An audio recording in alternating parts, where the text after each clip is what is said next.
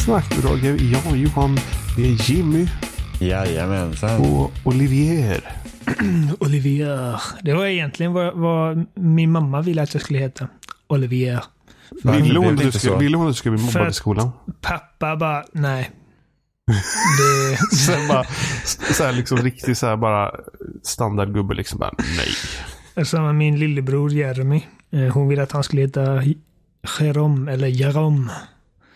Ehm, och jag är väl ganska glad för att det inte blev så. Varför vill du inte heta Olivier för? Men alltså, hade jag hetat det så hade det ju varit det. Jag tror inte jag hade suttit här och bara, oh fy fan vad jag inte hade velat Nej, heta. nej, men vad, är anledningen nu? För att nu heter jag Oliver. Jag menar, alltså Olivier låter, det är lite jobbigare att säga också. Och det, det låter lite mer weird i svenskt uttal. Oliver Min mamma ville att jag skulle heta Michel. Michel. Mm. Alltså M-I-C-H-E-L. Antar jag, ja. Ja. Jag höll på att bli döpt till Maja Anneli dock, av prästen som döpte mig. Var det något fel där? Tog fe- hade fel lapp till fel barn. Det var två dop den dagen. Så att, Han, han, bara, det, det Maja. Annelies med en snopp.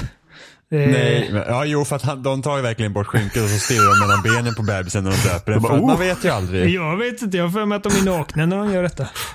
Ingen aning. Nej, men inte Ja, men man nej, inte man har, nej, man Man har ju inte naken. klänning Man är inte sig. naken när man döpt. Man har, ja precis, och då är det ju svårt. Det Bebisen ser ju likadan typ. ut. Jag vet inte, hade skulle- på ett sånt dop. Det var nära. Tänk om min panna, alltså jag undrar vad jag hade gjort. Tänk om pannan hade nuddat vattnet. Då hade jag i Guds ögon varit döpt till Maja Anneli. Mm, ja, det, Men Det är var, var det ett dubbelnamn eller liksom de två förnamnen? Nej, det var, det var, jag vet, det var förmodligen ett dubbelnamn. Antar jag, Maja Anneli. Va? Antar jag. Jag, Nej, det måste Det vara- förnamn. Mary men- Jane. nej men du kan ju köra, alltså jag känner flera stycken som har dubbelnamn i Avgå. olika kombinationer. Men Mm. alltså Maja Anneli, alltså det hade jag, jag undrar, jag undrar vart den människan är idag.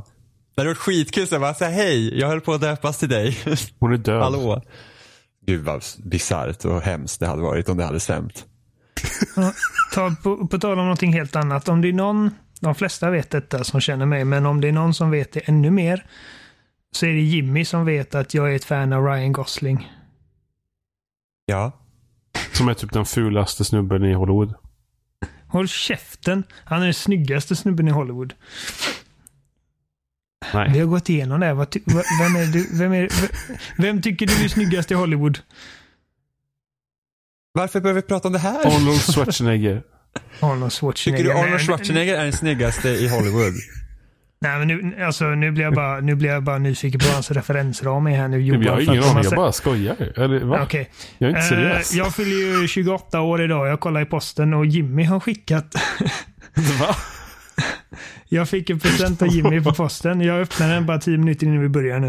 Eh, det var ett målarblock. Alltså vad är det det kallas? Coloring books. Ja. med bara vuxna. massa Ryan Gosling. ja, men var inte den här vi pratade om? Vi pratade jag om den haft- boken. Ja, ja, det har vi Johan. För jag har haft den fliken har jag haft uppe ända fram till typ förra veckan när jag faktiskt Var det, var det en gäst som prat, berättade om den? Eller var det det... Jag kan inte ha varit Isabelle. Jo. Pratade inte vi om det här när vi hade Isabelle som Jo. gäst? Om vi- vem vi tyckte var snyggast? Men var det hon som visste om boken? Eller var det... Nej, jo det var det. Det måste ha varit det i alla fall. I alla fall jag har i alla fall sparat de flikarna uppe så att jag skulle komma ihåg att beställa. Det är ju hur bra som helst. Så att nu har Tack du så något att sova mycket under. Jimmy. Eh, jag har inte färglagt något på många, många, många, många år. Men eh, nu, det här ska bli roligt. du känner dig taggad Ryan nu? Gosling. Du Ja, kommer bli en expert på att rita Ryan Gosling. ja, precis. Och Jenny gillar färglägga och hon har massa sådana typer. Alltså hon har ju sådana pennor i alla möjliga färger. Så Men när du kommer till sista sidan nu så får du sen får du liksom rita honom freehand på ett papper också. Se, se vad du har lärt dig. Ja. det, ja, det, det lär inte bli snyggt. Men, eh, Med namnskyltar på Ryan. Och sen, publi- sen publicerar vi det, det porträttet på våra sociala medier.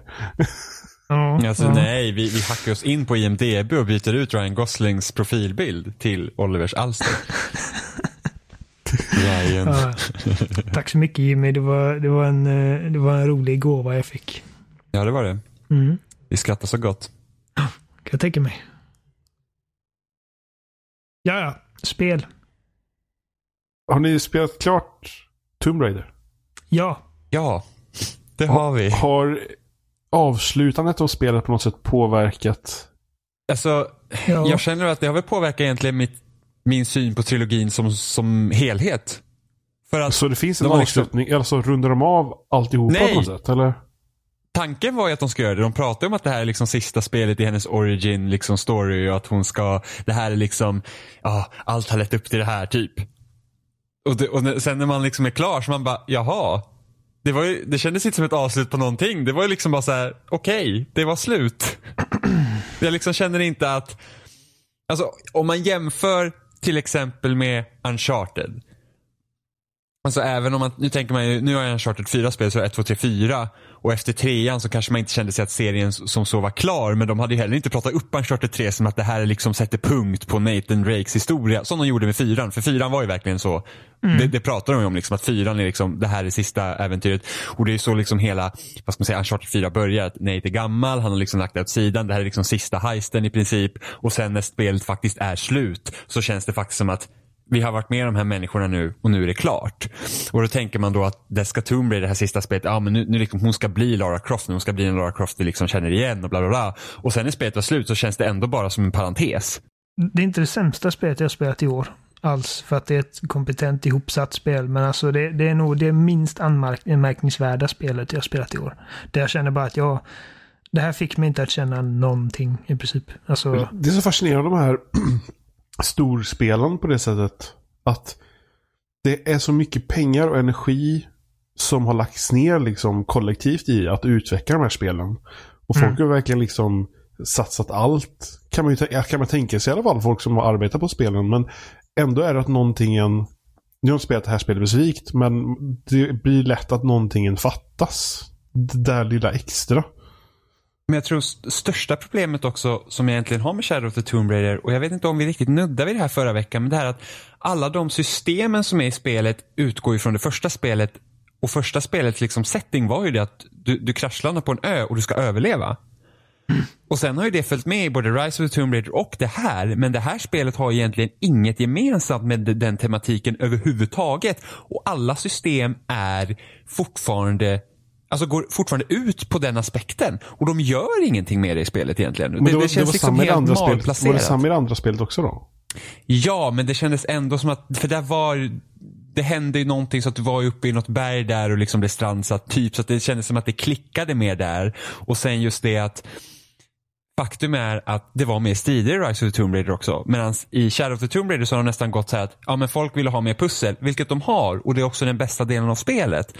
Men alla system är ändå vinklade till striderna. Och de, de är liksom, existerar knappt. För att jag kände någon gång så här när jag var i mitten av spelet så här att jag kan köpa nya vapen, jag kan uppgradera mina vapen. Jag har ingen aning om varför jag ens ska behöva göra det här. För att jag använder inte de här grejerna. Det här är ju liksom ett helt system som är helt onödigt kände jag. Särskilt med tanke på att när man väl är i strider så är i alla fall jag lagd åt det hållet att jag gärna gör det tyst och jag använder kniven liksom och plockar dem en och en. Så att det blir sällan att det blir shootouts där jag verkligen kommer dra nytta av alla de skill points och resurser jag har lagt på att göra mig bättre i strid. Alltså det, det sa jag redan i, men, om första spelet som kom 2013 var det va? Mm. Att det här är ett sånt spel som verkligen dess, dess gameplay och eh, berättande är liksom i ständig konflikt med varandra. I det sättet att de vill verkligen få det. Jag menar, vi, vi, det har man snackat om hur mycket som helst. Om hur Laras första kill eh, porträtteras som liksom en sån här jättestor livsändrande grej som hon tvingas göra och hon bryter ihop och liksom bara och sen så liksom resten av spelet så har man ihjäl folk som Doomslayer i princip. Och just det, bara en sån grej att liksom du får XP för varenda liten groda du dödar, vilket gör att allting som rör sig uppmanas du till att döda för att det liksom varför inte? Du belönas ju för det. Så att man är liksom inte bara en blodtörstig eh, mördare, man är också en djurplågare utöver det. Ja, men som vi pratade om förra veckan med den här Jaguaren man typ bara s- sular Ja. ner pi, pilar i och sen skinnar och bär sig på sig den. Väldigt bisarrt. Så att jag kände att den konflikten fanns redan då, men det är ju ännu värre här för att liksom just det här med som du sa att eh, sammanhanget i första spelet var att man, man, man är ju inte på den här liksom man är inte fast på den här ön. Eh, så, Man har inte sökt val. upp ön. Ja, precis. Alltså man har ju sökt upp det, men man, man, man får ju inte vad man tror att man ska få. Hon, hon var inte beredd på att skeppet skulle kapsejsa, att eh, alla skulle splittras och alla skulle bli skadade och eh, att det var några galna kultister där som ville ha ihjäl dem. Och att det sen fanns en förbannelse av något slag som inte tillät dem från att läm lämna ön. Så att det är ju liksom en överlevnadshistoria och sammanhanget bidrar ju till liksom varför, man förstår ju liksom varför spelet är utformat som det är i, Ja. i mångt och mycket. Medan i tredje spelet så liksom allt det där har, Hängt kvar. det, det har hängt kvar utan att de har liksom tänkt på ifall det är logiskt för berättelsen de vill berätta den här gången. Så att det börjar liksom att man startar jordens undergång och sen så i 40 timmar efter det så springer man och jagar blommor och gör små ärenden för folk. Ja, och sen hela den här liksom att världen går under, det känns ju inte av. Nej, Efter, Nej. efter de inledande timmarna. Sen så är det liksom det är, en, det är också som en parentes i resten av spelet. Vilket är så här, det känns inte som att det finns något driv i det helt enkelt. Det, det känns inte som att världen håller på faktiskt att gå under. Nej, och jag menar, sätt fart för fan. Ifall jorden håller på att liksom bokstavligen gå under, då stannar du inte för att hjälpa någon med att hitta något jävla, någon artefakt som de behöver för någon jävla ritual. Fuck that! Du, alltså jag har sagt, jag hade gärna hjälpt dig vilken annan dag i veckan som helst, men nu måste jag rädda världen. Bokstavligen. Alltså det här spelet hade hjälpt mycket om det faktiskt hade varit mer åt det linjära hållet. ja, För att precis. de har ju liksom, alltså hela liksom andra akten av spelet utspelar sig i en gigantisk storstad vilket återkommer till hela tiden och där är det så jäkla segt tempo så att man liksom, spelet trampar vatten. Ja, det är bara, det är liksom... Alltså man bara det- springer runt där fram och tillbaka, fram och tillbaka och liksom säga ja, det Tempot ja. dör ungefär som att man hade satt en pil i en galopperande häst. Liksom, att den bara... Ja, det, det är så att man liksom typ glömmer bort varför man ens är där. Och varje gång jag kommer till ett nytt, eh, liksom en ny hubb, ett, ett, nytt hubbområde så var det bara nej. Nu blir det liksom att nu ska jag springa runt här och prata med folk och liksom kolla merchants och göra sidouppdrag och göra allt det här och liksom visserligen så är det inget, man behöver ju inte göra det men det finns ju där av en anledning i spelet. Ja. Ehm, Men, men det är så... Det här slut-slut nu? Eller vad? Alltså, alltså, det de kan ju De kommer ju fortsätta. göra fler Tomb Raider-spel. Jag menar, hur, Ja, alltså, beroende på. Alltså, vi vet ju inte om det kommer, vi vet ju inte om det här kommer, om de kommer spinna vidare på den här grejen eller om de typ rebootar igen eller vad de nu gör. Vilket, Nej, nej, nej. Vad, vad hade den här studion som gjort det här för? Eller, Det vad- är Eidos Montreal, de har gjort eh, Deus Ex och Thief. Oj. Om jag förstår det så har de varit smått inblandade även i tidigare eh, Tomb Raider-spelen. Att de, Rise och att Tomb de, Raider. att de hjälpte att lastat av Mm. och gjort, Ja, ja, eh, men nu, nu har de ju axlat rollen till alla andra Ja, Tomb Raider istället de för är- Crystal Dynamics. Eftersom Crystal Dynamics håller på med Avengers. Eh, och jag känner bara att det, det är som, som jag sa förut, det är liksom ett tekniskt kompetent ihopsatt äventyrs-actionspel. Eh, det är väldigt snyggt. Eh, det är liksom ganska bra Jo, men det, det, det är rätt bra pusseldesign skulle jag säga. Eh, och eh,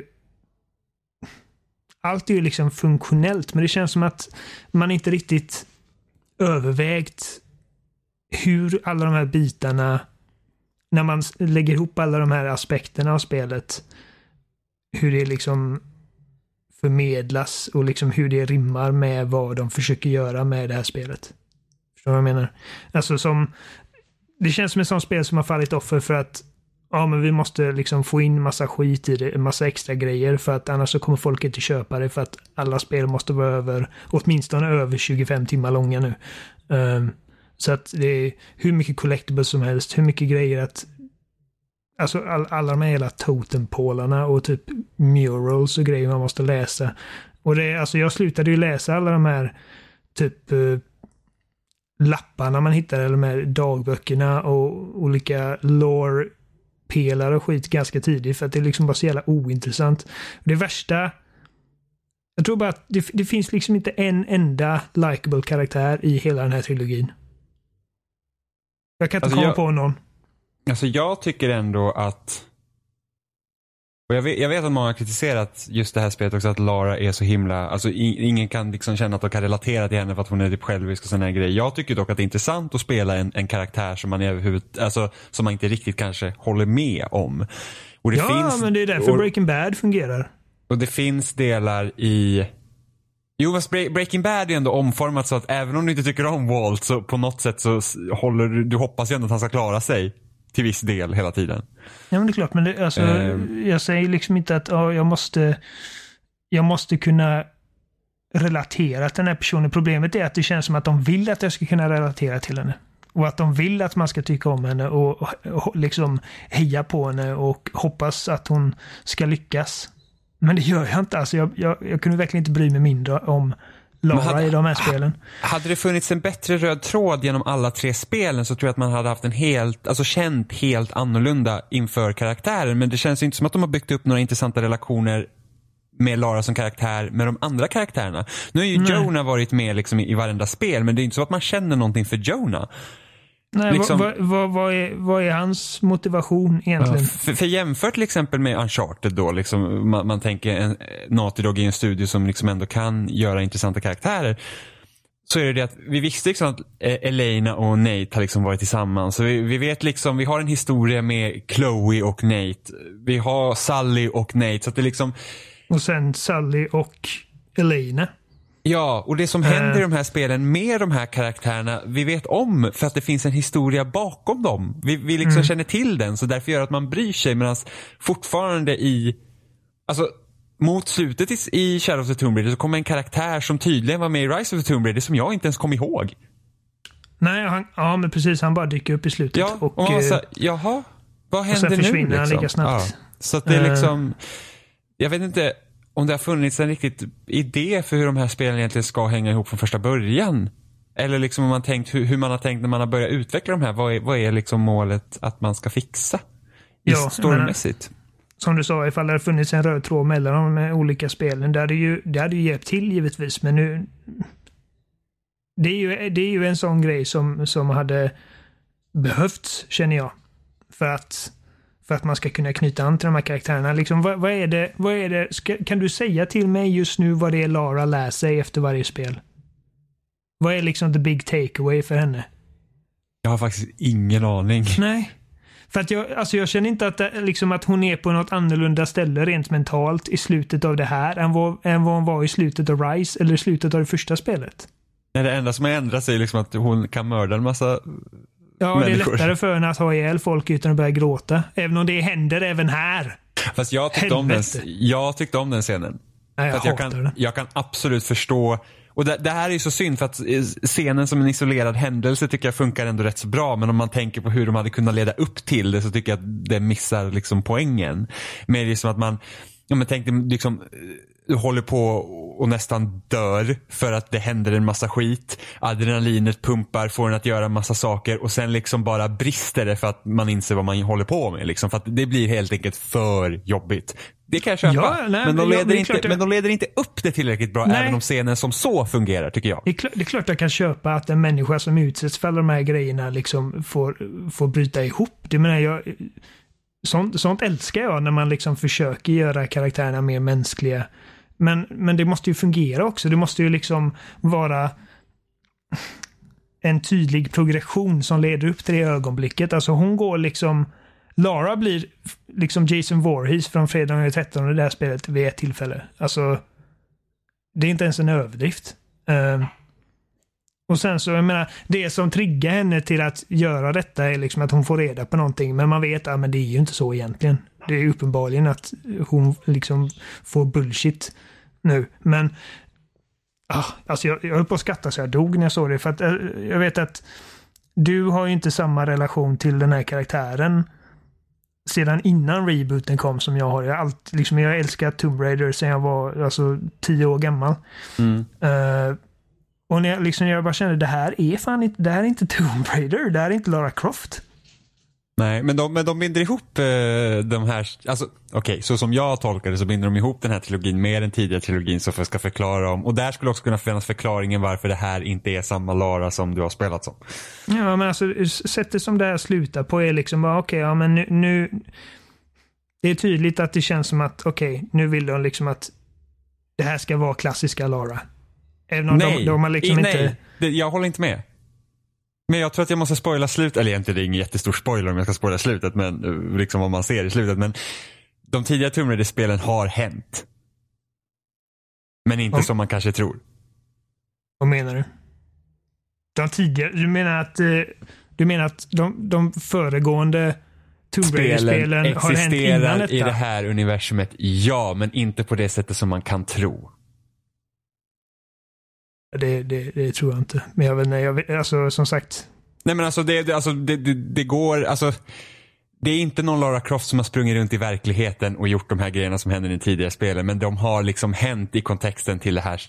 Alltså okej, okay. om, om, man absolut inte vet hur den sista scenen slutar så, så visst, fine, spola förbi. Det är ingen jättestor spoiler. Nej, det är ingen jättestor spoiler för man, att, man kan... det, här, det här spelet har i princip ingen conclusion till hela Nej. arken. Men i slutet så, så, så, heter det, så får man se en, en liten teckning som Lara har litat på när hon var liten och där kan man se liksom en Tyrannosaurus rex till exempel. Ja, att det ska jag, vara... tror, nej men, jag tror att de tidigare spelen ska vara, därför också man fick man spela henne som barn. De har hänt i hennes liksom fantasi. Hon har lekt de spelen tidigare. Förstår du? Det, det, det, får man göra. Eh, det finns en scen i, i, spelet när man får vara barn och springa runt på något jävla äventyr. Jag tror att de tidigare spelen ska kunna räknas till det. Att de, de är, det är hennes fantasi. Ja, det är ju en teori. Det är som man kan, ja, men... precis. Det är, precis, men det är, liksom, det är som man ska kunna tolka det. Liksom. Men det är ingen stor grej. Men det är liksom, så ska de kunna höra ihop. Jag känner bara att så som det slutar är liksom, hon sitter där vid sitt liksom, skrivbord. Butlern kommer in. Och okej, okay, ja, nu har hon en butler. Nu, är, nu, har hon liksom, nu har hon liksom tagit ägandeskap av sitt barndomshem. Och nu är hon liksom Miss Croft så att säga. Eh, som... Jag, vet inte, jag fick bara känslan av att liksom, det här skulle liksom ha byggt upp, de har sagt hela tiden, det här är sista delen ur Lara Crofts origin story som gör henne till The Tomb Raider liksom. Mm. Uh, och men nu men... Hon blir Tomb Raider men hon behöver nödvändigtvis inte vara Lara Croft som hon har varit tidigare. Nej, nej, jag tror inte att det här, de här spelen kommer liksom leda in till vad som har hänt i tidigare spel. Jag tror att det här är liksom en helt annan rendition. Det är därför de kallar det reboot snarare än prequel, så att säga. Mm. Uh, nej, men jag bara, jag bara känner att det liksom, det, det finns... Vad är, vad är temat med, med de här spelen? Jag vet faktiskt inte. Vad är, känns... vad, är, vad är det de försöker säga? Det är så frustrerande för mig att det, det känns som att de, de, de har haft den här liksom ambitionen om att liksom, ja men det här är mer mänsklig Lara och hon ska reagera mer mänskligt på vad hon gör och det finns liksom konsekvenser för misstag. Uh, men det är så jag tror det, det är så första spelet börjar. Och sen när de har fått kritik mm. för olika sätt de har gjort det på, sen har de bytt riktning. Även det... Vilket det här spelet tror jag är mycket så att oh, folk ville ha mer tombs och mer pussel och det har de lagt in men de har liksom inte resten av gameplayet har de inte servat den delen av spelet utan det fortsätter på det gamla och därför blir den här konstiga liksom skevheten om man säger så. Det är liksom att om man byter inriktning på hur spelet ska spelas men du styr inte om systemen så att de, de hjälper det, den nya inriktningen. Nej. Då blir det liksom problem. Så som det ser ut som När det bara liksom automatiskt, allt som har varit med förut ska med. Precis som vi har byggt de tidigare spelen ska där också byggas. Trots Oavsett, att man liksom, egentligen ändrar sättet hur man approachar spelet. Ja. Och det fungerar inte. I alla fall inte för man liksom, som vi då, jag menar man kan, man kan anklaga oss för att liksom försöka att liksom se för djupt in, in i det och liksom gräva efter grejer som kanske inte finns där. Men för att alltså, vi är uppenbarligen en minoritet när det kommer till liksom, vad vi tycker om det här spelet. Jag ser att det, det fick en nia tror jag av IGN och de flesta verkar tycka om det jättemycket. Och, eh, ja, fast jag, jag har sett många som är ganska svala inför det här också. Tycker att det är okay. så här, aha, vad... Det... Jag, jag, har sett väldigt jag tror mycket att, om, om, om man liksom bara ska kolla så här Metacritic-snittet så tror jag att det är lägre än för båda de andra två. Okej, okay. ja, för, för, jag tycker att det här är definitivt det svagaste av dem. Ja, det tycker jag också. Jag tycker uh, Rise är det bästa. Och, ja, precis. Eh, Och det tycker jag ändå är liksom att ingen av de andra är några liksom hejare till spel heller. De, de fungerar liksom som typ spela och glöm underhållning. Liksom. För att jag har glömt Rise, jag har ingen aning om hur. Jag, bara, det, jag, jag, jag tänker på massa snö i princip och det är det jag kommer ihåg. Ehm, Nej, Men annars- 78 på Metacritic, det var rätt så högt faktiskt. Eh, skulle inte kalla detta liksom en jättelyckad reboot av Tomb Raider. Liksom det, det känns som att... Nej, det finns så mycket potential där som, som aldrig har uh, tappats. Så det, ja nej, det är som sagt det minst anmärkningsvärda spelet jag spelat i år. Det, det var verkligen, det var varken bra eller dåligt och det fick mig liksom inte att känna någonting annat förutom då frustration uppenbarligen över att jag liksom inte kan sätta fingret på vad, vad fan är det de försöker säga mig? Vad, vad, vad, liksom, vad, vad är poängen med allt det här? Vad har Lara lärt sig i det här spelet som hon inte redan har lärt sig i de andra spelen? För att hon har inte ihjäl massa, alltså hon utsätts ju liksom inte nödvändigtvis för mycket mer liksom trauma i det här då än vad hon gjort förut. Annat än då faktumet att det är hon som startar apokalypsen och eh, liksom... Och, det, och det påverkar inte spelet under spelets gång nästan ingenting. Nej, nej. Och det, påverkar inte henne, som karaktär och, heller och det påverkar egentligen. inte riktigt någon annan heller. Nej. De, de har Eh. liksom en snabb konversation om det direkt efter att hon har liksom kallat in en tsunami över en stackars by i något u-land någonstans. Och eh, hon bara ah, jag måste fixa detta och Jonah bara nej det måste du inte. Du är inte den enda i världen som du, du är inte en superhjälte liksom. Och sen så typ lämnas det. Ja. Jonah, Jonah ifrågasätter den inte en enda gång till efter det. Hon Nej. är alltid på, han, eh, på hennes sida. Och Ja. eh, styrker hennes ego och säger liksom att ah, men jag är med dig hela tiden. Jag, det, det finns ingen som helst konflikt. In, inget av intresse händer i det här spelet. Någonsin. Men, och alla andra karaktärer servar också Lara. Ja. Hon vet alltid bäst, hon är alltid smartast. ja. Oavsett. Liksom. Hon utmanas aldrig förutom Nej. då av liksom antagonisten för att liksom antagonisten måste göra det. Eh, för att det är det hela, det är liksom det är syftet med att ha en antagonist. Och Mm. även liksom hur antagonisten pratar med henne i slutet, det är liksom, ja ah, okej. Kommer du ihåg det? Ja, jag vet. När man har besegrat den här skurken. Ja, så Och han säger också i princip bara, ja, nej men du har rätt.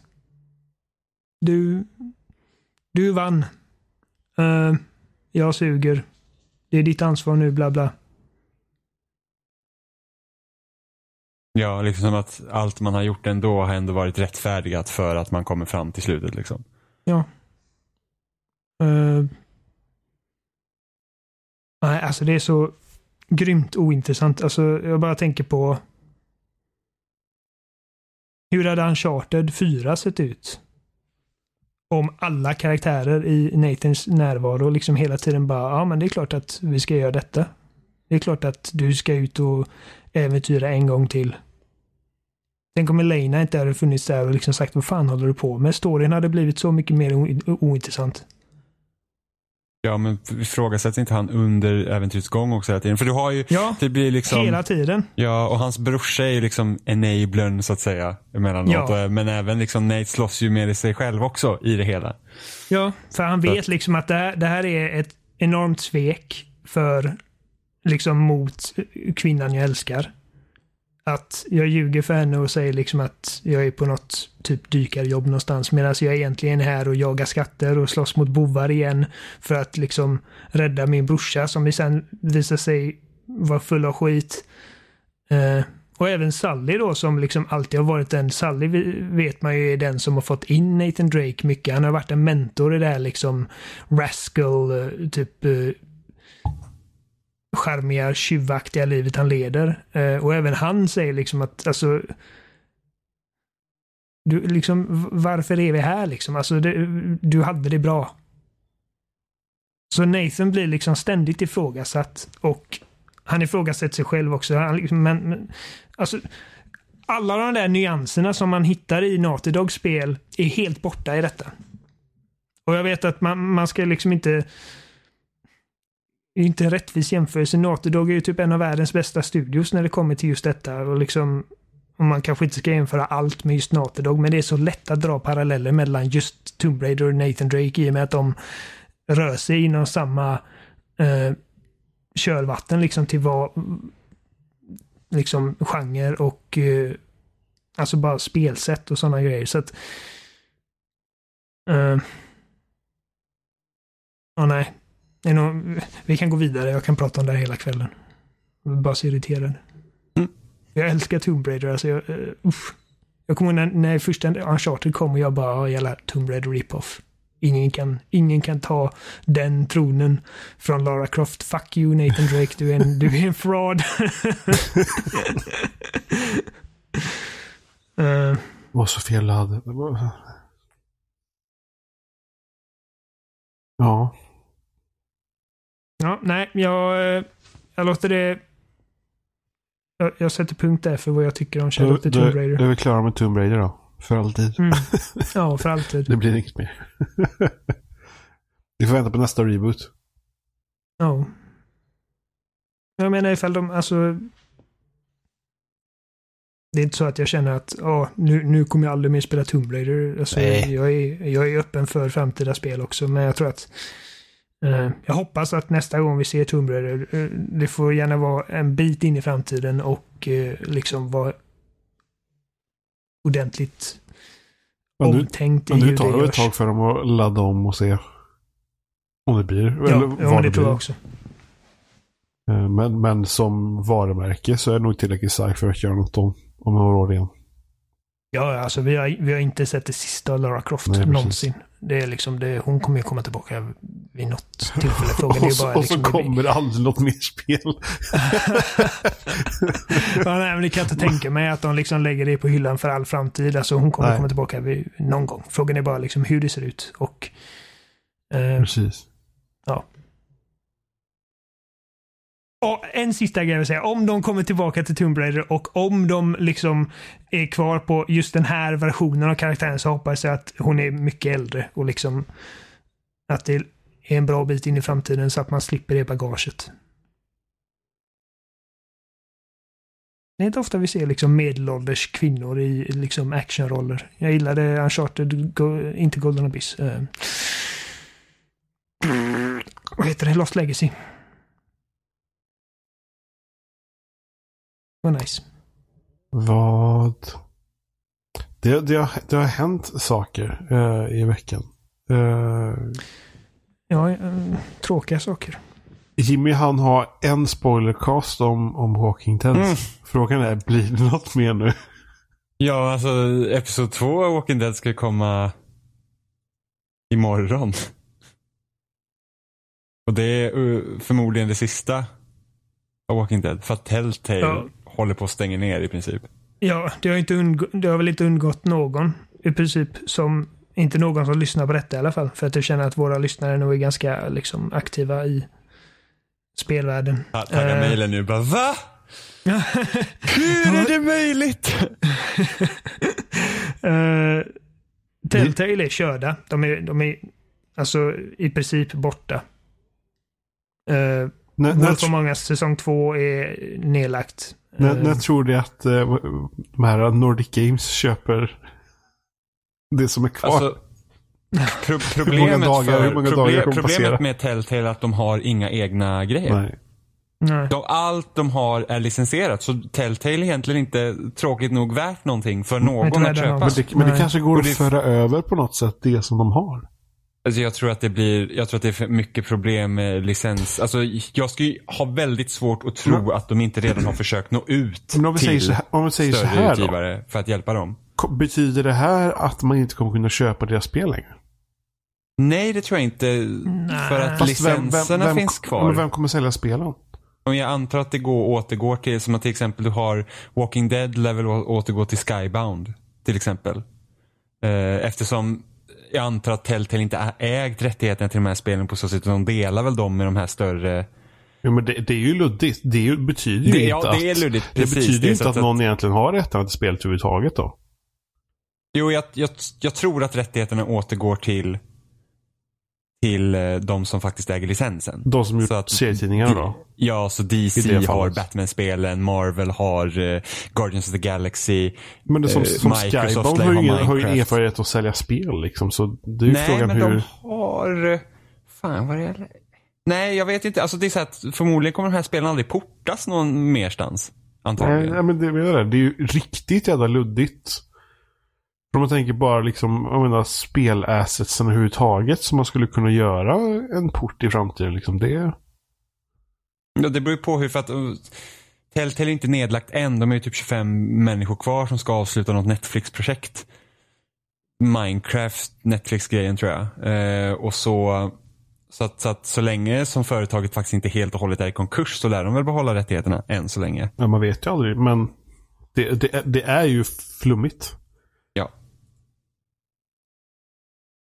Det, det, men alltså, Jättetråkiga alltså- nyheter givetvis. alltså Så jag, tycker tänkte det ju... är, alltså det är verkligen skittråkigt för att det Alltså för jag tycker ändå att Alltså, jag har inte haft något större problem med Telltale-spelen för jag tycker det är ganska trevligt liksom att få, få en ny liksom story mellan varven. Och jag spelar varenda Telltale-spel utom Minecraft.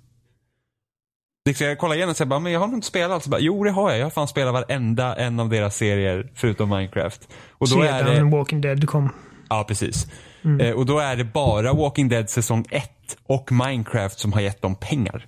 Varenda annat spel verkar ha liksom verkligen varit en flopp. Så det är liksom här, och det, det kan ju bero på förmodligen att, att, att folk tycker kanske att spelen är för lika. Jag har själv Ja. personligen inte haft något problem med det. det. Jag tycker mest har varit synd är att de frångick det här eh, att spelen är interaktiva. Att det blir mer så att man sitter och tittar på cutscenes och väljer val hela tiden. För att det är en jäkla stor skillnad mellan Walking Dead säsong 1 och även liksom säsong 2 i hur, hur man faktiskt spelar spelen. Ja, eller, om speciellt du, när man- eller om du jämför The Walking Dead med Back to the Future. Det är ju liksom hur stor skillnad som helst verkligen. Ja. De spelar Back to the Future. Och sen, liksom, för att det, märkt, det största skillnaden med att typ spela Life is Strange var ju det att åh, det känns så himla nice liksom, att kunna faktiskt röra en karaktär i de här områdena och faktiskt kunna liksom, interagera med eh, liksom, omgivningen. För det är ju någonting som spel kan göra, inget annat medium har ju den grejen. Att man faktiskt interagerar med där man rör sig. Och det har liksom försvunnit mer och mer i Telltale-spel. Så att, men liksom att, var, att även liksom Game of Thrones helt tankat. Liksom att, att, att inga av de här licenserna liksom lyckas ge ett något intresse. Men om man tänker liksom de här spelen som de som Game of Thrones, att de vill leva på då varumärken på något sätt, att dra in då. Och då måste ju det, det varumärkets fans på något sätt matcha med vad spelen drar för för folk. Alltså det betyder bara för att en serie som Game of Thrones är hur populär som helst betyder inte det att de fansen vill spela den typen av spel. Nej. Men, S- nej. Så där blir det ju ett en glapp bara för att de får liksom eh, the Galaxy eller någonting sånt riktigt stort märke liksom och tema så betyder inte det att, att just de som tycker om filmerna vill spela liksom det. Så det, jag tror det kan vara problematik också och att de har pushat ut så mycket där ett Mm, tag. slut, att, det slutar vara speciellt. ja, Och sen så tror jag att de ser för likadana ut också. De ser att spelen redan har sett för lika ut. Liksom att, alltså Game of Thrones såg ju alltså jag tyckte inte att det såg bra ut. Alltså det var en jättekonstigt så här blandat typ vattenfärgsestetik med deras egen motor. Det såg, det, det, det såg inte bra ut. Så jag tror att liksom att, att, att om spelen är så pass lika men de liksom utseendemässigt inte lyckas få någon att höja på ögonbrynen så tror jag också att det kan vara väldigt svårt. Bara så att jag tänkte på... För jag såg att du på Twitter, Jimmy, eh, gjorde en fin liten, eh, sup, vad var det, tre av dina favoritögonblick i Telltale-spel. Mm. Ehm, och jag har funderat lite på vad, om jag skulle välja ett. Jag tror att det var första gången som jag insåg att det här är verkligen någonting utöver det vanliga. Det var eh, avsnitt två. Eh, precis som du, du nämnde också avsnitt två, men just det ögonblicket i avsnitt två som verkligen träffade mig hårdast var eh, man har precis fått reda på att de här människorna är kannibaler i princip. Mm. Och jag tror att i första avsnittet så är det, det, det, det är liksom det är zombies som man möter som är det huvudsakliga hotet. Och i tvåan är liksom, slår de verkligen hem hur farliga även de levande kan vara, människorna. Eh, och det är ett ögonblick när man, när man lyckas ta sig loss från deras eh, fångenskap och man får chansen att gå upp, smyga upp på en av de här killarna eh, och döda honom. och så fort man har gjort detta så hör man Clementine skrika till i bakgrunden och titta på dig som om du är liksom rena monstret. Alltså liksom hon, hon såg just dig mörda en annan människa. Uh, och man får det här liksom klassiska Clementine will remember this. Mm. Och det var första gången, alltså det slog mig hårt som fan. Alltså liksom, det var nog första gången som jag kan komma på liksom att ett spel har gett mig sådan, alltså fruktansvärd blowback. För att ha liksom valt det våldsamma alternativet i ett tv-spel. Mm. Men du, liksom, du blir inte isolerad när du spelar utan du påverkar faktiskt de karaktärer som du rör dig med. Ja, men innan Walking Dead har det givetvis funnits spel där, liksom, där du har en mätare som säger att det här är det ondskefulla och det här är det goda. Men det fanns inte detta och liksom, det kändes mycket mer organiskt på ett sätt. Och det var liksom när jag insåg liksom det att den här lilla flickan som jag har lärt mig, alltså, som jag har blivit väldigt fäst vid och som jag vill skydda och som jag vill ska kunna lita på mig. När hon liksom tittar på mig och är livrädd för mig. Det var, det var alltså, det var förkrossande. Mm. Och det är liksom enda anledningen till att det slutar med att jag inte dödade den andra också. Jag lät honom ligga. Mm. Uh, och det är ju det ögonblicket du nämnde när han liksom skriker li efter dig. Ja, alltså det, för att jag kommer ihåg det här, för att du hade spelat episod 1 först och sa liksom att Mm. ja men du kan ju, för att jag var inte jätteförtjust i tv-serien. Så jag tyckte att första avsnittet av tv-serien var asbra. Alltså verkligen liksom så här, wow vilken, vilken grej. Och sen Mm. så tyckte jag bara det har gått ut för efter det där. Och sen så spelade, men då känner, liksom, då känner man ju ändå till vad The Walking Dead är. Och då Ja. tänkte man, ja men liksom, det kostar väl 50 spänn att köpa episoden. Jag kan liksom testa. Liksom visste inte ens vilka Telltale var typ. Mm, nej, men jag Och så sa ju först- det, alltså det, det var helt okej ändå. Och första Det episoden är liksom fine. Det, det kan vara intressant att se vad det går. Så jag spelar ju inte ens episod två direkt när det kom ut. Jag väntar kanske flera veckor efter det. Och så spelar jag där och så liksom man kommer just till det här slutet att man, man har, alltså han liksom bara sitter där och han bara, men döda mig, döda mig liksom. Och man bara säger nej, jag, jag tänker inte göra det för att jag liksom är inte som ni är. Och, och det är rätt så intressant för att även med kannibalism och sånt inom eh, zombie liksom apokalyps, det är ju inte ovanligt. Det är en väldigt vanlig Nej. trope. Det liksom händer överallt och det är därför typ säsong tre av Walking Dead var inte jättebra för att de går igenom typ samma sak man redan har gjort. Men och så bara står han där och liksom bara, Lee bara vänder sig om och så går man och den här jävla brorsan han liksom bara skriker efter den och bara liksom verkligen, alltså låter så, alltså otroligt bra jobb av alla röstskådespelare i, i, liksom i den serien. Men liksom verkligen bara låter så jäkla plågad över att man liksom inte tar det steget som han har gjort. Liksom de har för att överleva gör de det och han anser att alla liksom gör det. Och, och man själv alltså, nej jag tänker inte liksom sjunka mig till den nivån. Och så går man, alltså, då känner jag bara så att det här är liksom, det här är grejen. Alltså det här är liksom det, ett av de bästa spelen som kommer släppas i år. För att det är liksom, det, det, det väcker sådana liksom känslor.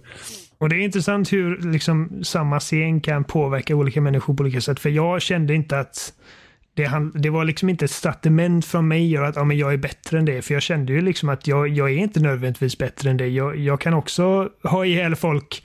Utan det var just det, den reaktionen jag fick från Clementine. Som var, alltså jag har aldrig fått så dåligt samvete i ett spel någonsin. Innan den tidpunkten. Och det var liksom, alltså att jag, att jag mådde så dåligt över vad jag hade gjort. På ett sätt som inte involverade liksom att spelet liksom bestraffade mig på något mer påtagligt sätt som att eh, jag vet inte, att liksom de tar någonting ifrån dig. Liksom, jag, vet inte, jag, jag kan inte komma på något bra exempel men, nu, men alltså, om, om man kollar på hur andra spelare bestraffat spelare på, liksom att man, man ger mindre poäng eller något sånt, något sånt liksom arbitrary. Utan det var bara liksom den här fick, fiktiva karaktärens blick som fick mig att helt tänka om liksom att oj, hädanefter så måste jag verkligen tänka på vad jag gör och liksom jag måste överväga valen för att man vet inte liksom hur det kommer påverka det och det var därför efter det ögonblicket så jag dödade typ ingen som jag inte verkligen behövde. Uh, och som jag inte kände var liksom ett direkt hot mot mig eller Clementine. Och i slutet av det avsnittet när man fick valet att liksom länsa den bilen som är full med förnödenheter. Jag bara nej. Clementine vill inte så, så vi gör inte det. Den länsade jag. Ja, nej, nej, jag, jag avstod. För det var var jobbigt för jag fick ändå skiten för det efteråt. Ja, men det var, jag kommer ihåg jag resonerade länsade. Det är klart vi måste länsa den för att det, det är liksom, vi dör om inte vi gör det. Någon har bara lämnat maten här. Liksom, så att det... Nej, men det gjorde vi inte. Jag överlevde. Och alltså, det var, det var jo, liksom, jo, men alltså tog inte de andra maten ändå? Jo. Ja, så ni fick bara... ju maten? Mm, alltså, jag, Clem och, eh, och uh, Lee rörde inte det där. Um, utan, Vadå, så ni hungerstrejkar ja. mellan episoderna? Men nej, den ja, här nej, maten nej, men alltså, Vi hade ju precis kommit från den här hemska upplevelsen där hon liksom, alltså jag hade i princip bara några minuter innan detta liksom fått världens liksom dödöga för att jag har skadat en annan människa. Så att jag var ju liksom i det mentala tillståndet då efteråt liksom att jag, alltså jag, jag gör precis vad hon vill att jag gör just nu. Så hon bara, nej men vi kan inte ta detta, det tillhör någon. Jag bara, okej, okay, du har helt rätt. Vi, vi, ska inte röra detta. jag, är ingen, jag är ingen ond människa, lovar. Sen så tycker man andra två highlights av Telltale-spel, det är ju Tales from the Borderlands. Som är alltså verkligen så superroligt. Alltså, det, alltså komedi i spel, det är inte ofta det, det liksom existerar. Det är på det mm. sättet. Liksom, och speciellt att få skämt och sånt och träffa rätt. Men alltså Tales from the Borderlands verkligen. Alltså, speciellt med en serie som Borderlands där man säger, oh, man kanske inte riktigt bryr sig om storyn och jag kommer ihåg när de utannonserade att de skulle liksom släppa Borderlands och Game of Thrones. Och man säger, ja men Borderlands, orkar bry mig typ. Och sen så är det typ, det, det är liksom tillsammans med Walking Dead säsong 1 så är det det bästa de har gjort. Och sen, eh, eh, sen tycker jag faktiskt Wolf Among Us är också ett kanonlir. Verkligen. Och mm. det är mm. jätte, jättesynd att vi inte kommer få se säsong två. Det är jättesorgligt verkligen. Du har rätt alltså, vi, om, om Borderlands för att vi, man har haft humor i spel hur länge som helst. Uh, om man kollar typ, menar, även på typ, ta Grim Fandango liksom. Har ju ja, också massor av. Ja, massa uh, klicka-spel är ju... Ja, jo men alltså som sagt, jag håller med dig liksom att det, det finns, humor finns ju. Uh, det här var första gången jag spelade spel som kändes som ett komedispel. Liksom. Att hela poängen mm. var liksom att det skulle vara roligt. Uh, jag är inte så förtjust i komedier i någon form. Uh, det var, jag kan inte minnas senast jag såg liksom en komedifilm som jag tyckte det där var en riktigt bra film. Liksom, utan jag vet inte, Tales from the Borderlands äh, träffade inte mig lika hårt som det gjorde för dig. Äh, men Wolf Among Us första avsnittet där, det var verkligen Snacka om bra första avsnitt till någonting. Jag känner att första avsnittet av Wolf Among Us är nog det första, eller det bästa första avsnittet eh, som Telltale har gjort. Ja, att de, alltså det, det, det var verkligen... Fångar den världen så jävla bra och eh, liksom fångar din uppmärksamhet på ett så effektivt sätt. Och liksom också det att de gör det genom att i princip döda en av huvudkaraktärerna i spelet. Trodde man då. Um, så att... Uh, ja, men det, det är skitsynd att Wolf Among Us 2 inte kommer. För jag kommer ihåg det när, när det bekräftades. Uh, och du sa liksom att du var rädd för att det inte gått så bra för dem. Att du är så glad över liksom, att det var en positiv överraskning av att Wolf Among Us 2 fortfarande är på väg. Mm. Och sen kommer detta liksom. Så att... Oh, det, är så jäkla märkligt den här Telltale-grejen också eftersom de anställde liksom folk så sent som förra veckan.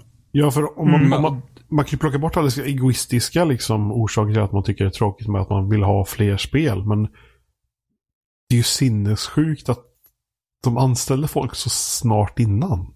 Ja, men alltså, Ja, du måste, nej, du måste veta. herregud. Liksom förra veckan måste man ju veta att det är liksom kört. Eller, liksom, eller var man precis där vid den här att dealen som man hade att bolla med, att den liksom gick i stöpet bara för någon dag sedan, senare eller något. Att man liksom bara in i det sista bara hoppades att något skulle lösa sig. Och det var folk som hade flyttat långt, långt, långt också.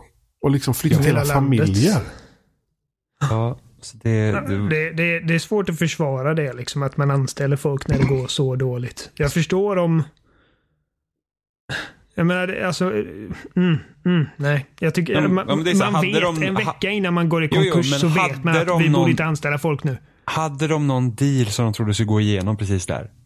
Jag vet inte.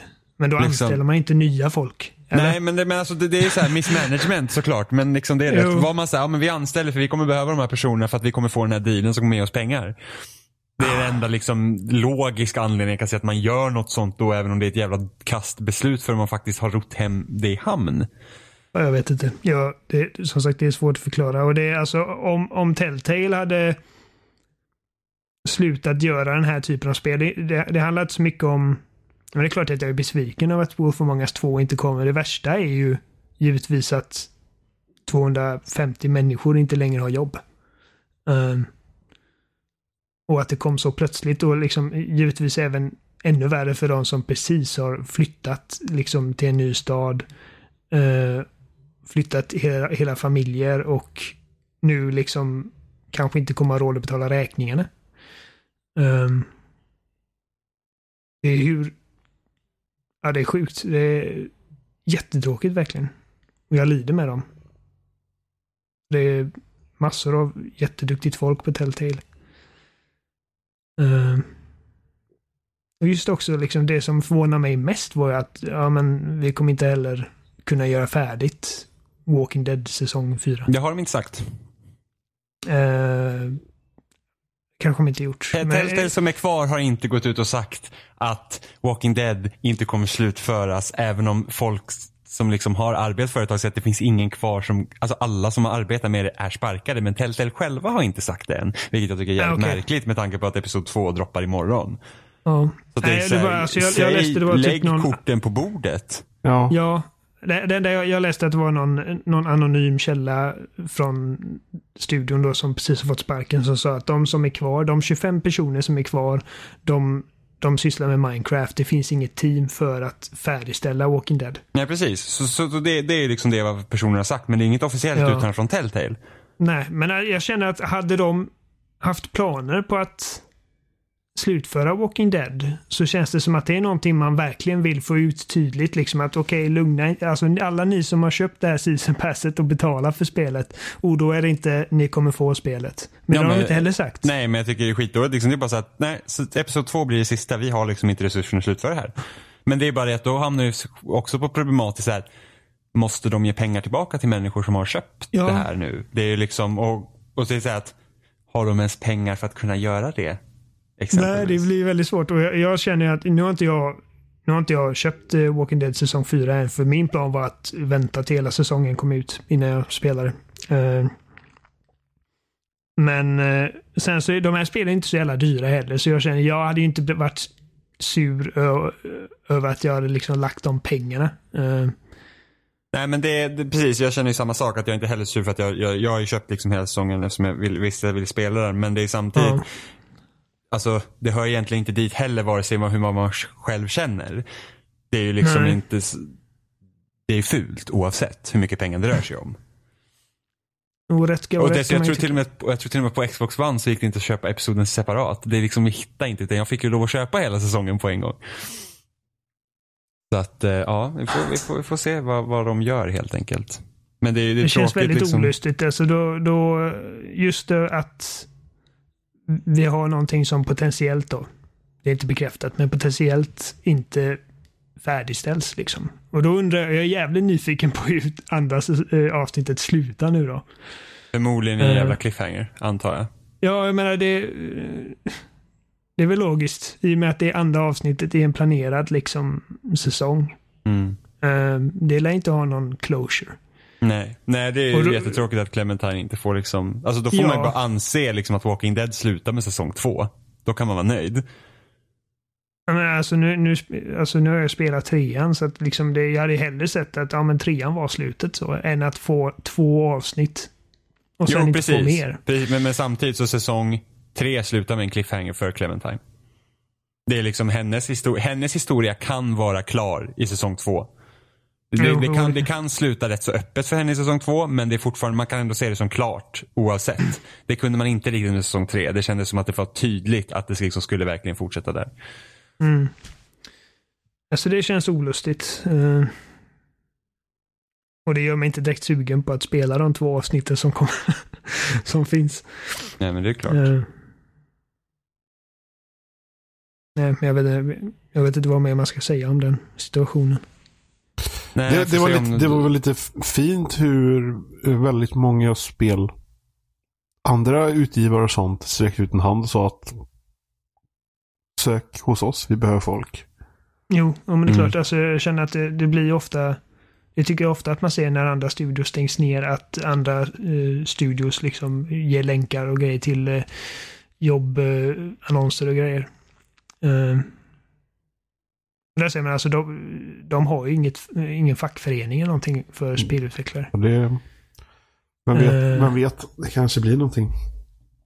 För det, det är som sagt, det, liksom, det är helt sjukt att man kan hamna den, i den situationen att man liksom ansöker ett jobb, får jobbet och rotar upp hela sin familj och flyttar över hela landet. Sen är väl, Och sen står helt... sen är väl fackrörelse generellt överhuvudtaget är väl, De är ganska bespottade i USA. ja, i Eh, USA. men inte bara det, de har väldigt dåliga arbetslagar överlag. Ja. Alltså även om inte vi ska Men ha vissa alltså- fackföreningar i Sverige så har vi bättre anställningsskydd. Ja, men du kan även se generellt även i Sverige att facket inte anses liksom ha lika stort har inte lika hög eh, ska man säga, eller folk bryr sig inte om facket längre liksom. Eller det, är- det är ingen som eh, det, är inte, det är inte lika jag vet inte vad jag ska säga för någonting. Menar du att det inte är lika vanligt inte att engagerar folk... sig. eh, an- Nej, mm. eller äh, folk Nej, folk tänker i mån mer på sig själva att man, man vill inte vara med i facket för det kostar mig bara pengar och jag behöver aldrig det ändå. Och så vidare. Så Men vidare, sen så, vidare. jag, jag tror, jag vet att restaurangfacket är ju generellt sett alltså menat att det, det är inte ett bra fack för att de har liksom slutit konstiga avtal och det är rätt så dyrt och det är rätt så Ja. dåliga löner i Ja. restaurangbranschen. Så jag kan verkligen förstå att så här, ja, alltså, jag har inte råd att lägga 500 spänn i månaden på facket för att är precis, farsan var ju, dyrt. farsan var ju liksom bilmekaniker och metall var ju piss i princip för att driva upp och eh, fixa hans löner och så Mm. Och det blir Mm. lite en paradox för att liksom, ju mer som engagerar sig i facket ju mer resurser har de till att faktiskt kunna ändra saker. Så att det är Ja. liksom, Nej, precis. det, det är liksom en, det blir en ond cirkel då. Jag, menar, jag, jag jobbar ju på ett företag som inte är, eller de är inte anslutna till kollektivavtal eller någonting sånt där. De är liksom Oj. inte fackligt anslutna överhuvudtaget. Det är väldigt vanligt i, i, eh, i data, liksom informationsteknologi, informationsteknologibranschen överhuvudtaget. Ehm, men man kan ju även se det som att man är facket som en, liksom, en solidarisk handling i kombination med att man även kan få råd. Mm. Jo, Men ja, precis. eh, men- men liksom, så om, om det nu liksom den inställningen i Sverige har blivit mer åt det hållet så kan man ju tänka sig hur det är liksom i USA där verkligen facket inte är värt någonting överhuvudtaget.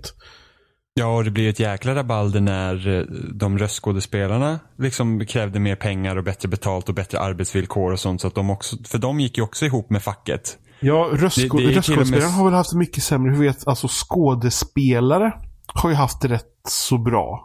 Med liksom, ja, men, eller, ja, för att det är typ, de har ju så fackliga representanter på typ eh, filmset och sånt som springer Ja. runt och ser till att nej, nu får ni inte jobba mer. Men har, har, du, har du inte hört talas om den här med, med Los Angeles? Så har de ju från liksom centrum och staden så är det i princip som en cirkel runt om hur långt ut från centrum de får liksom resa för att eh, kunna slippa betala extra avgifter och sådär till eh, skådespelarna. Så Aldrig- därför ser man liksom samma miljöer om och om igen i eh, Hollywoodområdet med alla filmer och serier för att det är inom det här området. Ah. Men, men det har ju varit nu med, med att, att röstskådespelarna har, eh, liksom, har ett fack. Då gör ju att vissa utvecklare inte anställer röstskådespelare som är eh, med i facket. När, när, var, när var det den grejen var med röstskådespelarfacket? För jag kommer ihåg typ- att det hände. Kan det ha varit ett och ett halvt, två år sedan kanske? Var det så länge sedan nu? Ja, eller, eller närmare. Jag, jag, jag är inte Ja. helt säker, men jag vet att det var något rabalder. För att, jag vet att nu med nya Devil May Cry 5, så de har, Capcom har, anställer ju inte folk som är med i facket. Vilket är ganska dåligt. Alltså, det, det liksom... Alltså att de, just att de tar piss, ett sånt liksom. specifikt ställningstagande. Eller, Ja. är, eller är det att de anser då att de har så Nej, men det är för att de ska kunna liksom- diktera arbetsplatsen. Eller, eller, tycker, mer, eller tycker de att, att, eh, att fackrörelsen har så absurda krav så att de tycker att om, de skulle, om vi skulle liksom bara ta fackanställda så skulle vi aldrig ha råd att göra spel. Eller vad? Alltså, jag, tror inte, jag, tror inte, jag tror det är bara att man vill maximera vinsten så mycket som möjligt. Liksom. Ja. Att det, det är liksom så att ju mindre problem vi har, liksom, behöver vi inte tänka på de här grejerna och vi kan liksom utnyttja på det här sättet. Liksom, det, jag skulle inte kunna se varför man annars skulle göra det. Liksom. För det Men ställer, ställer man aldrig någon form av krav så blir det ju aldrig bättre heller. Nej, precis. Man måste ju liksom. Det, Och man, kan, man, ju alltså- inte bara, man kan ju inte bara ställa krav själv. Man måste ju på något sätt samarbeta. Och då blir det ett fack liksom. Ja, ja, men alltså det är liksom. Ja, ja men det, det jag pratade med Robin igår till exempel om det här med typ att, ja men det här med att, med att människan ska vara så fri i USA. Liksom att man tänker här, den där liberala idealen. Ja. Och sen så går man företagens händer. Liksom, alltså man, man, man, man, man för, att, för att företag är ju inte människan om man säger så. Nej. Du har en, vi säger att en grundare till ett stort företag, en VD liksom styr företaget. Det är liksom den som alla strävar efter när de pratar om liberala idealen i USA många. Liksom. Det är liksom att den personen vill man bli. Men det är ju bara en. En kan ju bara sitta på den posten. Resten måste ju vara anställda. Och då går man hela tiden företagens liksom Alltså om man bara gör saker för att det ska vara enkelt för de stora företagen då pratar inte den lilla människan längre för då är det de som kontrollerar sakerna. Så det, det är liksom, hela den biten är ju så skev. Mm.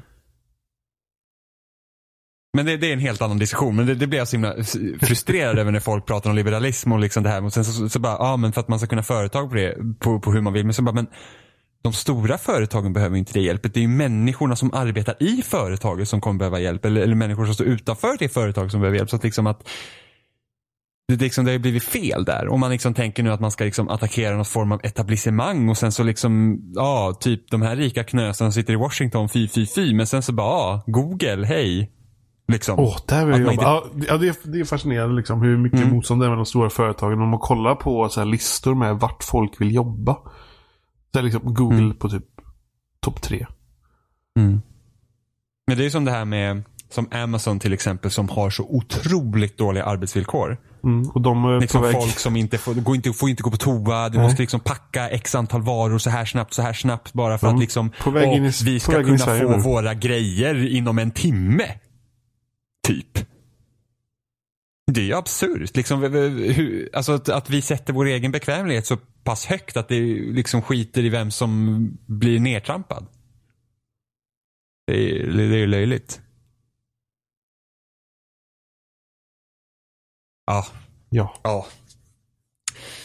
Eh. Sony brukar göra saker som Nintendo gör. Så nu släpper de också en Playstation Classic. ja men, Så out of the blue bara. Det är roligt att det kommer liksom i, i ordning också. Man tänker liksom så här Nintendo och så kommer Super Nintendo och sen så var det ju egentligen så att Nintendo och, och Sony skulle liksom göra en, en eh, Nintendo Playstation och så sen kom Playstation. Nu kommer liksom så här Playstation Mini så precis efteråt. Ja, alltså. Jag såg ändå, för det är så kul, för många sen och SNES, då var ju folk liksom helt så här: wow. Det, det är liksom amazing att kunna spela NES och SNES liksom i en sån här liten maskin. Och sen när jag sett nu Playstation Classic kom, då folk var så här: jag vill spela det där på min PS4, varför släpper ni inte de här spelen på PS4 istället? Ja, speciellt då när då Playstation har sån etablerad liksom butik och de har sålt Alltså de har ju i princip gjort det om man tänker på, på att man kunde köra Playstation 1-spel på PSP. Och Ja, på PS PS3 Vita. och PS Vita. Ja. Men, men samtidigt så här, det har du kunnat med Nintendo också, för Wii och Wii U. Ja. Så det är ju samma sak egentligen, men jag tror det är bara att Nintendo är så pass jävla kassa med sin online-service. Att folk bara förväntar sig inte det av dem. Nej. Utan det Men sen, liksom så här, sen bara, så var det ju ja, någonting också när de gjorde kontroller som var, kontrollerna och så vidare som var så lika. men, men det är ju eh, på. Playstation 1 också. Jo, jo. Men jag menar bara liksom, det, det kände jag var en orsak att man vill ha en just för liksom den känslan så. Mm. Uh, sen spelen jag- har alltså- man kunnat spela på andra ställen. Jag bokade en Playstation Classic. Faktiskt. För att jag var så här, jag har aldrig haft en Playstation 1. Jag har spelat Nej. på en men jag har aldrig haft den själv. Jag var så här, men, och jag tycker om så här, jag har ju NES och SNES Mini och jag har inte, jag har spelat lite på min SNES Mini. Jag har inte spelat på min NES Mini utan den har jag bara i hyllan för jag tycker att, jag tycker att det är så, så fint att bara ha liksom så här gamla retrokonsoler. Jag tror liksom. jag bara har spelat Bobble Bobble på, på Neset. Good choice. Men visst kan man använda SNES-kontrollen till NESen också? va? Ja. Men jag bra. köpte en extra kontroll. Okej, ja, nej, men det, jag, jag kan använda min SNES-kontroll. Men, det, men är det inte lite konstigt att de, in, att de tog den första varianten av handkontrollen till Playstation Classic och inte den med stickan? Begränsar man sig inte lite då vilka spel man kan släppa på den Mm, alltså- maskinen? Många spel var ju snarare så att de gick och spelade med spaken men de var nästan bättre med korset. Tänk sig Metal Gear. Aha. Metal Gear funkar bättre med korset enligt mig. Okej, ja, jag har ju inte, som sagt, jag har ju, jag har ju bara spelat väldigt, alltså det, det är sjukt för att jag, jag hade en, en som vi bodde granne med mitt ute i skogen, hade en Playstation. Och vi spelade Resident Evil 1 med hans pappa. Och då kan vi, vad kan vi ha varit? Fem, sex år. Mm. Alltså jag hade sådana mardrömmar av det spelet. Alltså det var helt bisarrt liksom. Alltså, jag, jag känner att jag skulle vilja ha ett. Men jag är väl lite bortomnad av minikonsoler efter NES och SNES. Och jag kände liksom att det blev för mycket på något sätt. att Jag betalade typ så här 1 och 4 för mini, minisneset. Ja det är dyrt alltså. Och så kommer detta och också hamna på så här 1 och 5. Och är redan Ja. så här fullbokat i massa butiker. Så jag, jag liksom, Men jag, jag tror att folk bokar för att de är rädda. Alltså ända sedan Jo. NES Mini så tror jag att folk är rädda att det tar slut. men jag, Så att liksom, folk jag, bokar i en hets. Som jag, gjorde. Jag jag, är- trött på den hypen. ja. Uh, även fast jag skulle vilja ha en så är jag lite trött på den hypen. Men det är, det är ganska kul att se folk på typ... eh, Jag har sett folk posta så här eh, grejer på Reddit. Om andra folk som har hårdat på sig. Först då så här Super NES Mini. eh, när det kom. Hårdat på sig, typ, köpt så här 10-20 stycken. Och sen då i så andra vågen med NES Mini kört på sig en jävla massa. Så det är folk som har sina så här garderober fulla och de går typ inte sälja för det är ingen som vill ha dem de längre. går ju få, det går ju att få tag i SNES Mini liksom utan problem. NES Mini också. Ja, det är så fascinerande. Det är, så här, det är lite så här karma mot de här Men alltså, jag tycker liksom, alltså ha, ha liksom de här konsolerna som typ så här små artefakter liksom, tycker jag kan vara liksom helt, alltså nice att ha liksom bara för att man ser hur konsolen ser ut och sådana här Ja, grejer och kanske liksom plocka för att jag, för jag har liksom redan planerat hur, om jag liksom någon gång, när jag flyttar sen och får större lägenhet och det så vill jag liksom ha en hylla för de här konsolerna så liksom de kan stå liksom fint inglasat eller vad som helst. Mm. Ja, men även liksom lådorna har är fina. Liksom Ja, här. Visst, det kan vara... Vi har ju våra PG-märken och det är lite så här märket för strömadaptern och sådär. Men överlag så liksom man ser lite på håll så ser det verkligen ut som originallådorna fast mindre. Ja, så det är ju som samlarobjekt och, Mm. och det, det, så kan jag helt köpa det. Det som är tråkigt dock, på grund av de här minikonsolerna, det är att det hindrar ju från att släppa till de faktiskt de konsolerna folk bryr sig om på riktigt. Alltså de Ja. aktuella konsolerna. Som att, ja men, Nintendo släpper NES och SNES Mini och Switch har ingen virtual console. Och nu när deras online-tjänst har kommit så har de typ 20 NES-spel och det är liksom så här det, det är så oattraktivt för mig. Liksom att jag har inte testat Switch online än. För att jag känner att jag vill vänta tills kanske Smash kommer. Eller när jag känner att jag liksom faktiskt vill spela online på maskinen. Men det var lite fascinerande. Man att- kunde ju, man kan installera Famicom-varianten också. Den japanska appen finns också att ladda ner. Jaha. Så man får liksom tillgång till både japanska och det, jag antar bara att det är ett, liksom ett euroamerikanskt bibliotek på den andra appen. Ja.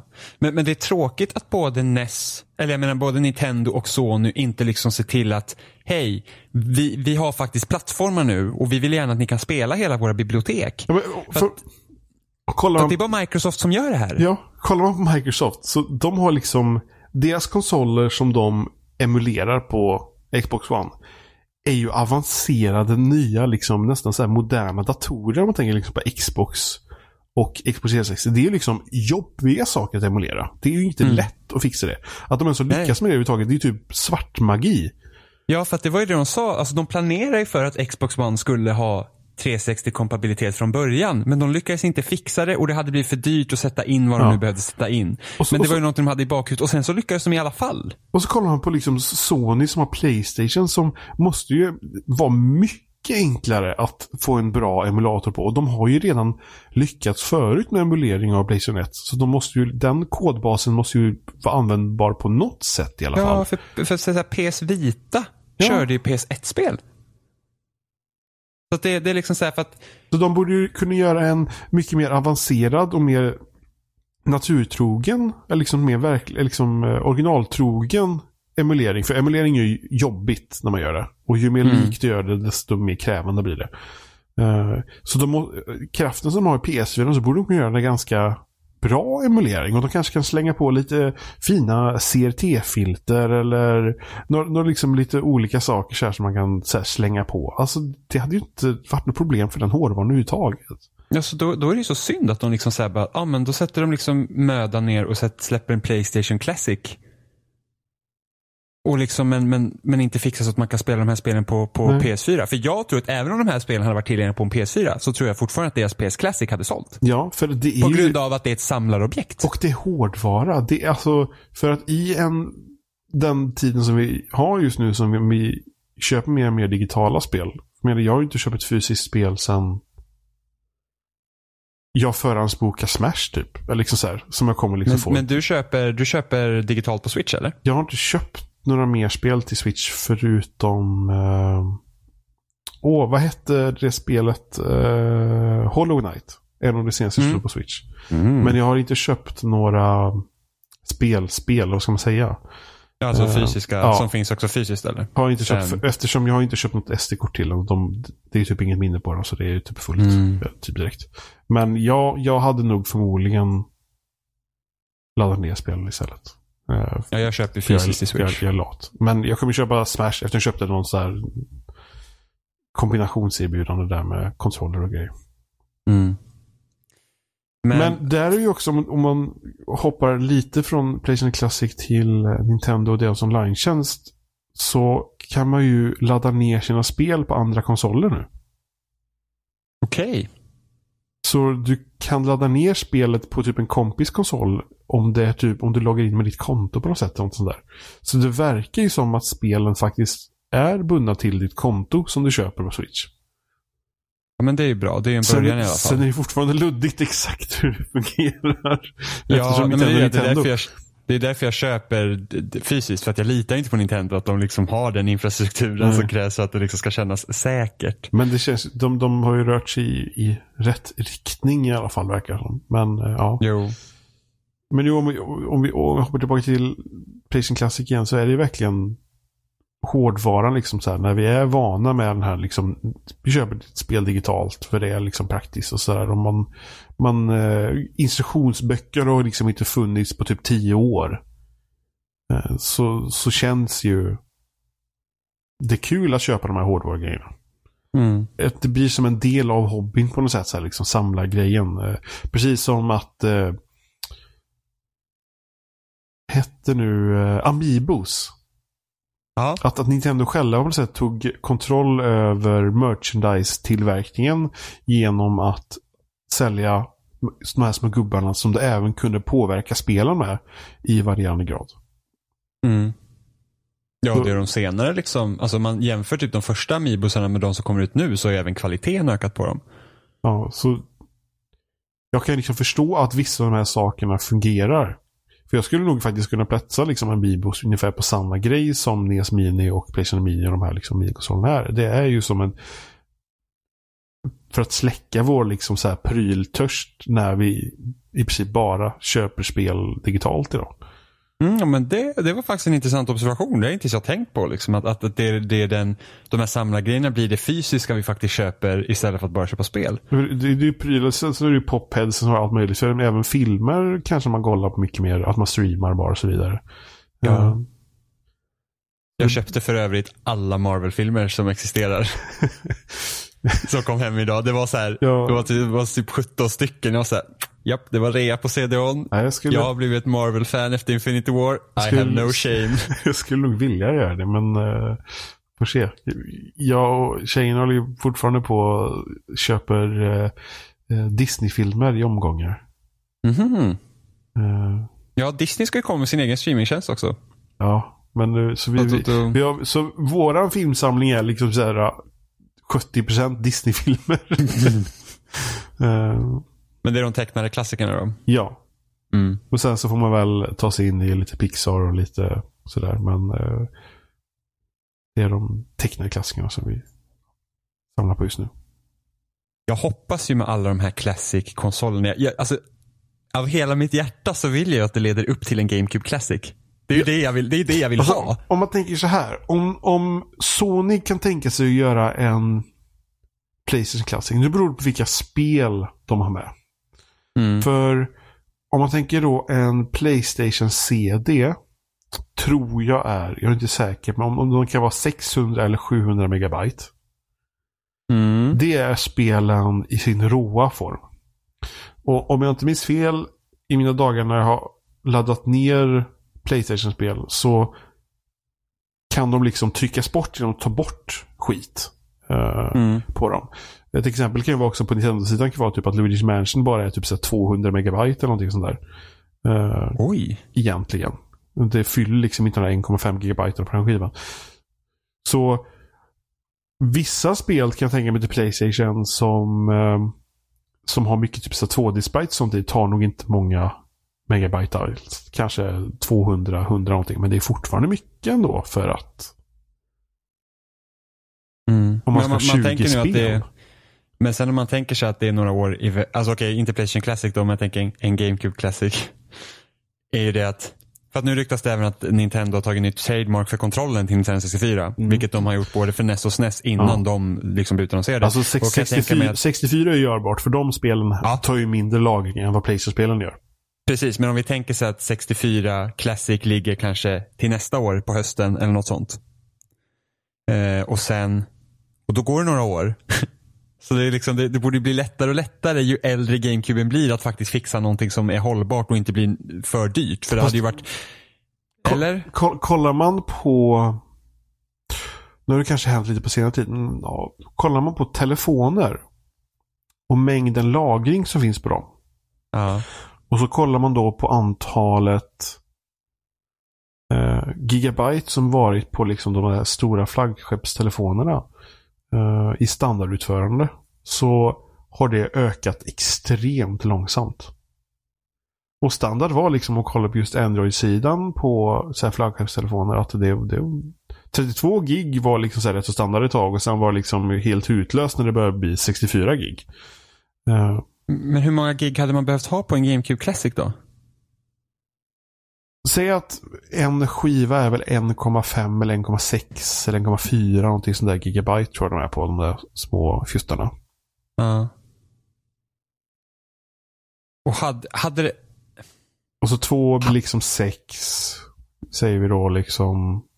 Uh, ett två borde väl bli tre då? se, om vi tar, säg att vi tar, Men 30, sen vissa spel var ju på två skivor. det tar 32 gigabyte delat på 1,5 om det skulle vara det då. Eh, så får du ju teoretisk plats om de bara liksom deligger rått på liksom 20 spel. Hade man, kunnat varit 32 nöjd med, hade man kunnat varit nöjd med en GameCube Classic med bara tio spel? Ja, för att nu tar ju att alla spelen ska ta max. Tar vi då liksom Luigi's Mansion igen då som exempel så tar inte det alls lika mycket. Om det var Nej. liksom 200-300 megabyte eller någonting sånt där. Då borde det gå. Ja, säkert. Alltså, alltså 10 spel. Hade Ja, ju fast- gått. Alltså jag hade gärna velat haft 20 spel. Jo. Fast vad tänk så här, tänk att en GameCube Mini hade kunnat vara den ultimata Smash Bros Melee-konsolen. Men vad är det? Nest Classic hade 30, SNES hade 20. Ja, Så du ser SNES hade lätt kunnat haft 20. Du ser liksom där Eller jag menar SNES hade kunnat haft 30 Ja, men- utan tvekan. Jo, men du vet ju nu att 1964 kommer ju få 10 spel. Eller 15. Nej, 10 spel. Sluta nu Johan. Och sen kommer Så GameCube de- få 5 spel. Eller så släpper de GameCube Mini med bara Smash. De bara, vi Och, orkar nej. inte släppa det här jävla GameCube Mini tillbehöret till våra kommer få- maskiner. Bara Mario-spel. Hela Mario Suite. Det blir så här, eller så släpper de GameCube Mini Sunshine. Mario Kart, Mario Tennis. Nej men de, de släpper så här temabaserade GameCube Mini. Det så här Mario GameCuben, sen har vi en GameCube med Metroid-spelen, en GameCube med Zelda-spelen, en GameCube med typ Pikmin, ja men du vet. Ja. Vi får väl se vart... eh, Alltså jag vill så gärna bara ha en GameCube Mini. Ja, alltså du, du vill någon. ju bara ha återsläpp av GameCube överhuvudtaget. I vilken Ja form precis, skiter det, du i? det också, precis. Fucking fuck GameCube Mini. Släpp mina GameCube-spel på Switch. Då får jag 3DS får Luigi's Mansion. Vad är det för fel? Vad är det för? Varför släppa det till 3DS och inte till Switch? För att du ska bli upprörd. Och det är Nintendo. Men liksom så här, ni De kunde vill inte ge släppa... dig ytterligare hopp om att det kommer GameCube-spel till Switch. Ja, men de kunde släppa liksom Toad-spelet till både Switch och 3DS. Hallå? Vad fan? Och förresten, var är Mario Maker till Switch? Hallå? Det är massa grejer här som fattas. Jag- Ser de inte att det är ett stort hål i deras repertoar här? Jag tror ni att innan så här, Jimmy blir för upprörd så får vi faktiskt börja ruta Jag vill bara kunna slänga massa pengar på gamespel. Jag har alla mina gamespel här i hyllan och jag ser på dem och inget att spela dem på. Eftersom Nintendo stängde ner varenda jävla romsida också. Fan! Fan! Alltså, om, ni vill, om, om ni vill skriva till Jimmy och ge han kärlek i hans bittra tid så kan ni skriva till Jimmy spelsnack.com. Och vill ni kontakta oss allihopa kan ni skriva kontakt till spelsnack.com och så får alla vi det mejlet. Men sen överlag så finns vi på spelsnack.com där ni hittar länkar till de flesta ställena. Och Twitter, spelsnackpodd, Instagram, spelsnackpodd. Vi tycker om när ni skriver. Att Oliver Thulin, att Jimmy Sepp, nej, Seppala13, att Johan Folsson. Det- Jag skriver till Facebook också. Ja. Det var det här avsnittet. Jag. Vill bara spela Mm. GameCube. Hej då Jimmy. jag blev nu. Gå och lägg dig. Gråt, gråt till, till... Jag gråter mig till sömn. Ja. Jag vill bara spela Jag vill GameCube. bara Ja. spela GameCube. Ja, Metroid Prime och allt.